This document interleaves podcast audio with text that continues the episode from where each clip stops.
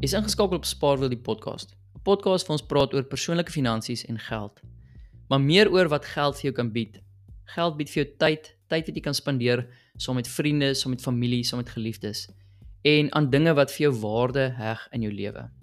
Luister lekker saam en stuur enige vrae of kommentaar deur op Instagram spaarwiel_podcast. As jy luister na nog 'n episode van Spaarwiel die podcast en vandag se ek bevoorreg genoeg om te praat oor hoe belê jy vir jou kinders en saam met my om die om die mikrofoon is Christian Wessels van FFG. Christian, goeiemiddag. Middag aan my kant en 'n glo is middag aan jou kant ook. Inderdaad, maar 'n Vrydagmiddag Edwan. So lekker om jou te gesels op 'n Vrydagmiddag. Altyd lekker. Ons hou dit lekker informeel. 'n Vrydag moet tog informeel wees dat jy weer die Maandag uh, goed kan begin. Want as jy Vrydagmiddag informeel begin, dan ehm um, dan het jy gewoonlik 'n goeie naweek en ek ek hoop jy het 'n goeie naweek, maar vir eers wil ek lekker by hoor. Christian, wat is wat is jou rol binne FFG? Edwan, ek is 'n finansiële beplanner of 'n gesertifiseerde finansiële beplanner, is seker nou die fancy term, maar is my eintlik maar net 'n finansiële adviseur. Ehm um, en ek is ek gee mense advies op hulle finansiële beplanning uit 'n beleggingsoogpunt en uit 'n uit 'n versekeringsoogpunt uit om seker te maak dat daar voldoende dekking in plek is indien indien een van die ouers sou doodgaan of of huweliksmate dan ook uit 'n uit 'n beleggingsoogpunt uit om mense te help met betrekking tot hulle aftrede of enige kapitaal wat hulle wil belê, iets sy in die binneland of in die buiteland. 'n uh, ander rol wat ek het is dat ek 'n deel is van FFG se beleggingskomitee waar waar ek een van die voorsitters is. En ek dink dis dis ek ek sal rondom 8 jaar betrokke by FFG so seker nou nie die langste in die industrie nie, maar ook nie die kortste nie. En uh dit is dis oorsaaklik maar my rol klink vir my of jy perfekte hoeveelheid ervaring het en ook um weet nog daar nog genoeg jeug in jou sit om om die om die vraag wat ek vandag eintlik oor wil praat um ja, soort van goed te kan antwoord. Kry jy vrae van mense af van van van jou kliënte af of nuwe kliënte om te om te waar jy dalk hoor, luister ek wil vir my kind belê of hoe sit ek geld vir my kind weg en um ja, kry jy laat ons daar begin. Kry jy ooit die navraag van van kliënte af? Ja, ons kry die navraag nogal baie. Ek moet sê nie net van ouers af nie, maar maar ook van van oupas en oumas af waar hulle graag vir hulle kleinkinders iets sou wegsit. Maar ek dink as ek net 'n trekkie kan teruggee oor hoekom sal ons vir kinders wil geld wegsit? Want ek dink baie keer skrik 'n uh, ouer wakker as 'n kind 18 is of 17 is en hy moet na universiteit toe gaan en as hy bevoorreg genoeg is 'n kar kry en na universiteit miskien 'n deposito op 'n huis sit So so ek wil net begin by hoekom sal ons wegsit vir vir 'n kind?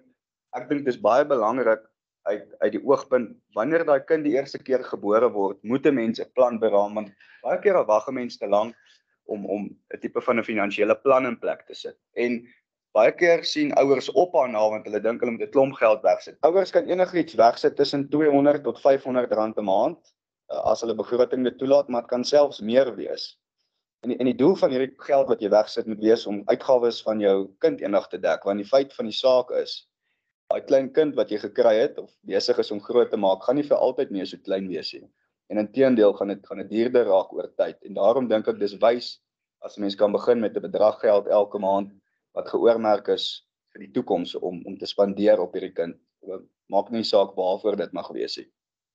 Ja, ek ek stem 100% met jou saam want tyd is jou vriend. Hoe vroeër jy begin, hoe met wat eh, weet hoe vroeër jy begin, kan jy met dan kan jy met 'n kleiner bedrag begin.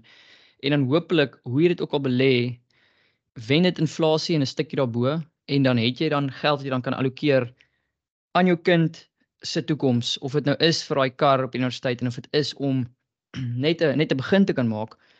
Maar nou wil ek jou vra Nou wil ek jou eerstens vra net net want ek gaan vergeet van hierdie ene, maar spesifiek oupa en ouma, nou wat wat ek ook gereeld hoor is oupa en ouma wil gewoonlik 'n 'n lomsom geld neersit. Ma en pa kan gewoonlik maandeliks 200, 300 as jy sê as jy gelukkig is 500 of meer insit.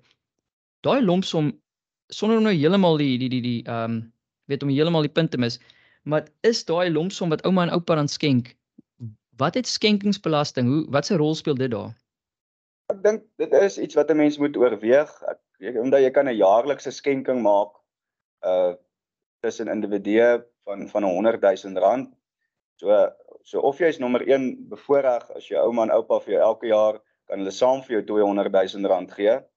Ehm um, of hulle kan eenvoudig uh vir jou 'n nalatenskap los uh deur middel van deur hulle testament, deur 'n sekere kontantliggaat te bemaak aan jou indien hulle tot sterwe sou kom. So daar's eintlik twee maniere.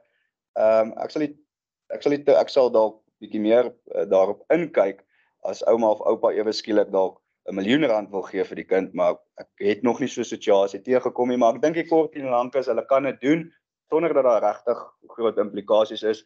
Het sê as jy net onder die 100 000 rand 'n jaar bly, onthou jy kan dit elke finansiële jaar doen. Ouma, oupa kan vir jou saam tussen hulle albei kan hulle 100 000 elk gee wat by 200 000 uitkom. So ek dink mens moet net bietjie daarna kyk uh en, en dalk sal dit wys wees as jy meer as dit wil gee om jou ouditeur of jou boekhouer te raadpleeg. Ja, maak sin, maak sin. Dan terug by maampa of as ouma en oupa ook kies om dalk maandeliks uh, te belê. Watse voertuie, watse beleggingsvoertuie is gewild of of of sal julle kyk hier deel ons advies op op op die podcast nie, maar ja, wat sou jy nou voorstel, informeel voorstel om die braaivuur? Watse beleggingsvoertuig kyk jy nou? Maak jy iets soos 'n belastingvrye fonds oop vir 'n kind op ouderdom 2 of 1 of 3 of is dit iets wat jy sê nee wag, daar's 'n ander voertuig, hy kan hy of sy kan dit doen op hulle 18de. Ehm um, want ja, daar's ook sekere beperkings hoeveel jy kan belê oor jou oor jou leeftyd in 'n belastingvrye fonds en tax-free ehm um, tax-free investment. Ja, praat bietjie verder. Is daar is daar ander opsies as 'n tax-free investment uh, opsie en en en wat se verkies julle? Ja, ek dink kom ons kyk net nou wat is daar beskikbaar soos jy reg sê. Ek dink in my opinie is daar drie uh, instrumente of beleggingsopsies wat jy kan oorweeg wanneer dit by 'n kind kom. Die een is is 'n gewone geldmarkrekening, spaarrekening wat jy oopmaak by die bank. Kan hy by ons gebruik ons baie keer 'n Investec CCM call account. Dit kan 'n diskresionêre belegging wees wat beteken jy het toegang tot daai kapitaal, jy kan dit onttrek wanneer jy wil en daar's natuurlik nie soveel belastingvoordele nie wat by die wat ek by die by die volgende instrument uitkom is die sogenaamde belastingvrye spaarrekening of beleggingsrekening, beter bekend as die tax free savings account. Nou die voordeel van die tax free savings account is jy moet nogal 'n baie lang tyd kapitaal in daai instrument investeer om op die einde van die dag die rentebelastingvoordeel te kry en die kapitaalwinsvoordeel. En wat ouers baie mooi moet besef is wanneer hulle 'n bydrae lewer tot hierdie tax free savings account, hulle na regte die kind se vermoë om eendag by te dra tot daai tax free savings verminder. Waar jy oor tyd mag jy 'n maksimum van 500 000 bydra tot 'n tax free savings account. Indien hulle gaan bydra tot dit, gaan dit daai 500 000 verminder. So die punt is wat ek eintlik wil maak om nie te tegnies te maak nie. Indien jy van plan is om by te daag tot 'n tax-free savings account en dit geoormerk is dat die kind dit eers op 25 of 30 moet gebruik om 'n huis te koop byvoorbeeld, dan is dit 'n goeie idee want dit beteken jy gaan die belastingvoordeel in daai tax-free savings account kry op die rente en op die kapitaalwinsbelasting. Nommer 2, as hulle wil geld wegsit wat wat hulle nie omgee om te onttrek en by te dra nie veronderstel die kind word 15 of 16 hulle dalk daai onttrek of die kind word 18 wil hulle daai onttrek om vir sy universiteitsgelde te betaal of dalk 'n kar te koop. Dan sal ek sê mense moet eerder gaan kyk na iets soos 'n diskresionêre belegging waar jy presies dieselfde is net 'n belegging wat nie noodwendig daai die belastingvoordeel het soos 'n tax savings account nie maar wat vir jou nog steeds die groei sal gee um, en wat jy jou kan self jou blootstelling bepaal. So ons sien baie keer dat mense nogals van die net die diskresionêre belegging gebruik maak en die kind kan enig van hulle groot as hulle eie tax free savings rekening gebruik. Ehm uh, en dan die laaste uh, instrument uh hou mense ook baie keer daarvan om 'n uh, call account te gebruik waar hulle geld kan insit, maar dit is meer 'n korttermyn behoefte as hulle vir sporttoere moet betaal, uh, enigiets sporttoerusting of al die toere wat die kinders op gaan dan kan hulle dit eerder daar uitvat. So ek dink mense moet oorweging gee aan al drie, maar ek dink die mense moet dit ingewikkeld maak. Ek dink die belangrikste is dat 'n mens begin en een van die instrumente kies net begin geld wegsit. Ja, ja, nee briljant. Ek ek moet jou sê voor die voor die oproep, voor die ehm um, voor hierdie episode het ek nogal gedink, weet jy, dit gaan moeilik wees om verby die tax free investment account of die belastingvrye spaar of beleggingsfonds te kom. Maar jy het my klaar eintlik oortuig dat dit eintlik nie die beste wel in my opinie nou weer weer eens as toekomstige ouer hooplik dan sien ek al klaar die die 'n paar tekortkominge daar. Ja, nie tekortkominge nie, maar oorwegings wat ek dalk eerder sal gaan vir die diskre, diskresionêre geldmarkfonds. En ehm um, ja, dit maak sin, maak sin. Dit dit gaan ook baie soos jy sê oor die doel en daai doel behoort te dryf. Ja. Die ding ja, ook ook wel as jy die doel Bepaal die doel. As die doel is dat jy as jy R3000 'n jaar gaan weg of 'n maand beplan om weg te sit vir daai kind, kom ons sê R2000 en op tot R3000 'n maand, dan moet jy meer ernstige tax free savings account oorweeg want dit beteken jy gaan gouer die belastingvoordeel kry. As dit minder as dit is, kyk eerder na gewone diskresionêre beleggings in my opinie. Ja, sien kyk, jy kan al klaar 'n soort van die somme in jou kop maak en dit is hoekom weet jy ons hierdie episode het en hoekom ek jou genooi het vir die vir die episode want ek wil hê die mense wat na, na hierdie luister, jong ouers na hierdie luister is om met julle in kontak te kom, met jou in te kon in kontak te kom of met van jou kollegas want julle kan klaar soort van die voor en nadele sien net om na 'n beginsyfer te kyk waar uh die gemiddelde Japie op die straat weet ons ons sien dit nog nie. So ons hou onsself besig met ander met ander industrieë waar ons weer werk. Maar ja, dis dis dis sommer net so so sy opmerking. Maar nou wil ek jou ook vra nê, jou ehm um, jou kinders. Jy, ek hê nou vir my kinders en wie dan toegang tot daai geld en tot en wanneer kry die kind toegang en wie bepaal wanneer die kind toegang mag kry um, om haar geld te onttrek? Ek gewoonlik as jy 'n minderjarige kind vir 'n minderjarige kind geld belê as ouer, dan sal jy optree ehm um, as die sogenaamde voog waar jy teken mag het op die belegging en dit word uit jou rekening befonds ensovoorts. So normaalweg sien ons maar dat dat ouers bepaal maar self wanneer daai kind toegang kan kry in individuele kapasiteit tot daai fondse. Maar oor die algemeen word maar geoormerk as hulle 18 is, sê die ouers byvoorbeeld, "Oké, okay, hier is nou ons vir jou geld gespaar. Jy het nou toegang tot dit." Maar eintlik meer as dit, uh sê ons dat hulle dit aanwend net vir hulle kinders se uh, se studies, want hoe as jy dis gaan kyk wat kos studies deesdae is, is noord van 100 000 rand per jaar per kind en dit net naby aan 180 000 is 'n jaar vir studies, verblyf, uh allerlei onkoste rondom dit nie. So gewoonlik word dit maar gebruik vir dit. Ek dink dit gaan so seer oor om te sê as jy 25 is dan jy nou toegang tot al hierdie geld nie. Party families doen dit, uh, maar dis 'n ander doel. Hulle is hulle is op 'n ander vlak uh van van uh van rykdom as ek dit so kan stel. Waar daai ja. geld spesifiek net geoormerk is. Die kind kan dit vat op 25, hy kan vir hom 'n deposito op hy sit en hy gaan aan. Maar normaalweg 85% van die tyd word maar toegewend toegepas vir die kind se se onthaalwe studies, voertuig uh ensovoorts. OK ja, nee dis dis interessant. Ek het ek het op 'n tyd saam met 'n vriend gebly en ehm um, ek weet eintlik hy sal na die episode luister, maar hy het op sy 21ste toe kry toegang tot 'n mooi som geld wat oupa en ouma uh, nagelaat het en hy kon hom op hy stadium wel sy keuse was om van die geld te gebruik en kan jy ook jou eie kop vorm eie somme vorm rondom wat se bedrag het uitbetaal. Het hy vir my Audi A3 gekoop sy 21ste. Lekker. Ja, dit is 'n keuse wat ek miskien nie sou maak nie, maar daarna het hy ongelooflike finansiële besluite gemaak. So mense kry partykeer kinders wat jy weet jy weet ook nie ehm um, jy weet ook nie hoe jou kind gaan optree op 21 of 25 of 18 as hy as hy som geld ehm um, uitbetaal nie. So jy wat jy eintlik ook sê is daar kan in daai jy kan eintlik dit allokeer of soort van in wanneer die kind toegang kry tot die geld, dan kan dit daar ingeskryf word dat hy dit slegs mag allokeer tot ABC of is dit eintlik sodat die kind dit maak kan gebruik vir wat hy wil of hy nou wil gaan studeer of nie? Ja, ek dink dit dit gaan maar oor, jy weet, as die kind gesonde finansiële beginsels geleer van jongs af. As jy nou gewoonlik op 18 weet ek nou nie of mense die beste finansiële besluite gaan maak nie of selfs op 21. So ek dink dit kom maar net gepaard met met met die ouers se uh, uh leiding om daai kapitaal te spandeer. En want ek dink daar gaan uit die afmesak as jy op 21 kom en jy het ewe skielik 'n helse bedrag geld wat jy nou te toegang het. Ek bedoel gaan gaan jy definitief uh dit nie noodwendig op die wysste manier spandeer nie. Jy gaan nie dink aan die huis wat jy dalk oor 5 of 6 of 7 jaar wil koop nie.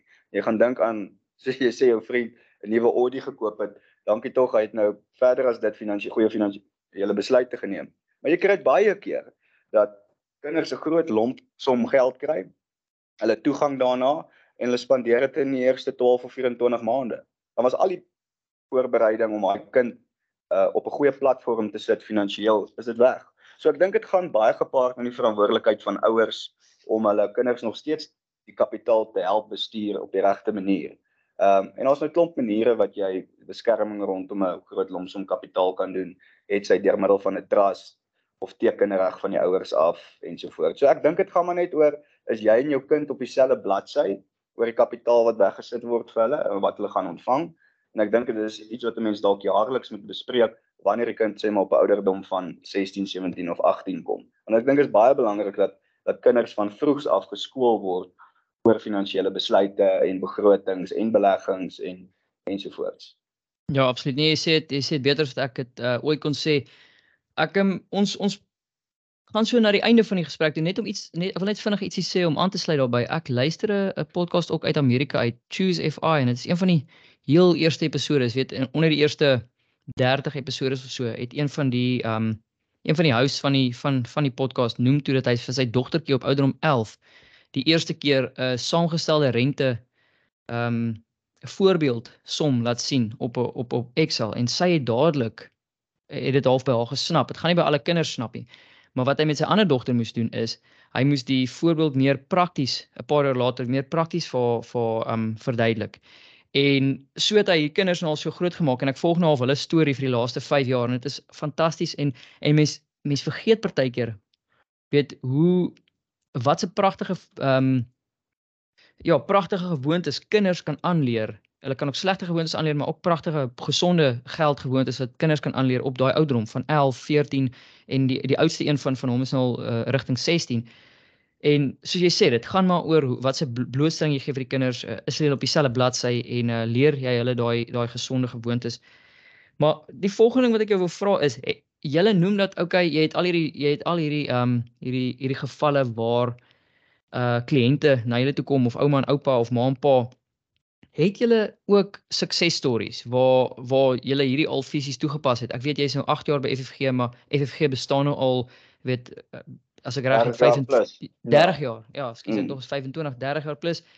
Nou is daar ook suksesstories waar waar mense na julle toe terugkom na X aantal jaar en sê hoor hierso baie dankie vir die raad van 15 jaar terug. My kind gaan na universiteit toe. Ek kan bekostig om om universiteit toe te gaan en sonder om jy weet sonder my arm en 'n been nou kos. Ja, definitief. En ek dink daar's daar's twee situasies en dis nou meer van toepassing dalk op op die op die ouer kliënte waarmee ons deel, maar waar hulle regtig van van jongs af vir hulle kinders begin voorsorg tref het uit 'n finansiële oogpunt. En ek kan dis hoekom ek sê ek ek kan regtig vir jou sê dit is nie dat hulle duisende rande per maand bygedra het nie. Genuine. Hulle het 'n paar honderd rand begin om per maand by te dra in jaar 1 en dit elke jaar laat eskaleer met 'n 5 of 'n 10% en oor tyd, jy kan jy kan nou die som gaan maak. Dan begin dit 'n redelike bedrag raak wat wat op wat op 'n sekere ouderdom wat jy kan toegang kry tot dit en uh, wat jy sekere kostes mee kan kan kan dek. Maar die ander kant van dit wat, wat ons eintlik mooier suksesverhale al gesien het is waar ouers dalk vroegtydig tot sterwe gekom het of 'n ouma of 'n oupa het, het tot sterwe gekom. En daai kapitaal wat wat geërf was of vererf was was was baie mooi bestuur deur middel van 'n van 'n trust wat wat eintlik maar gewoonlik die die normale instrument is om te gebruik wanneer kinders minderjarig is en daar's 'n klomp geld wat vererf moet word.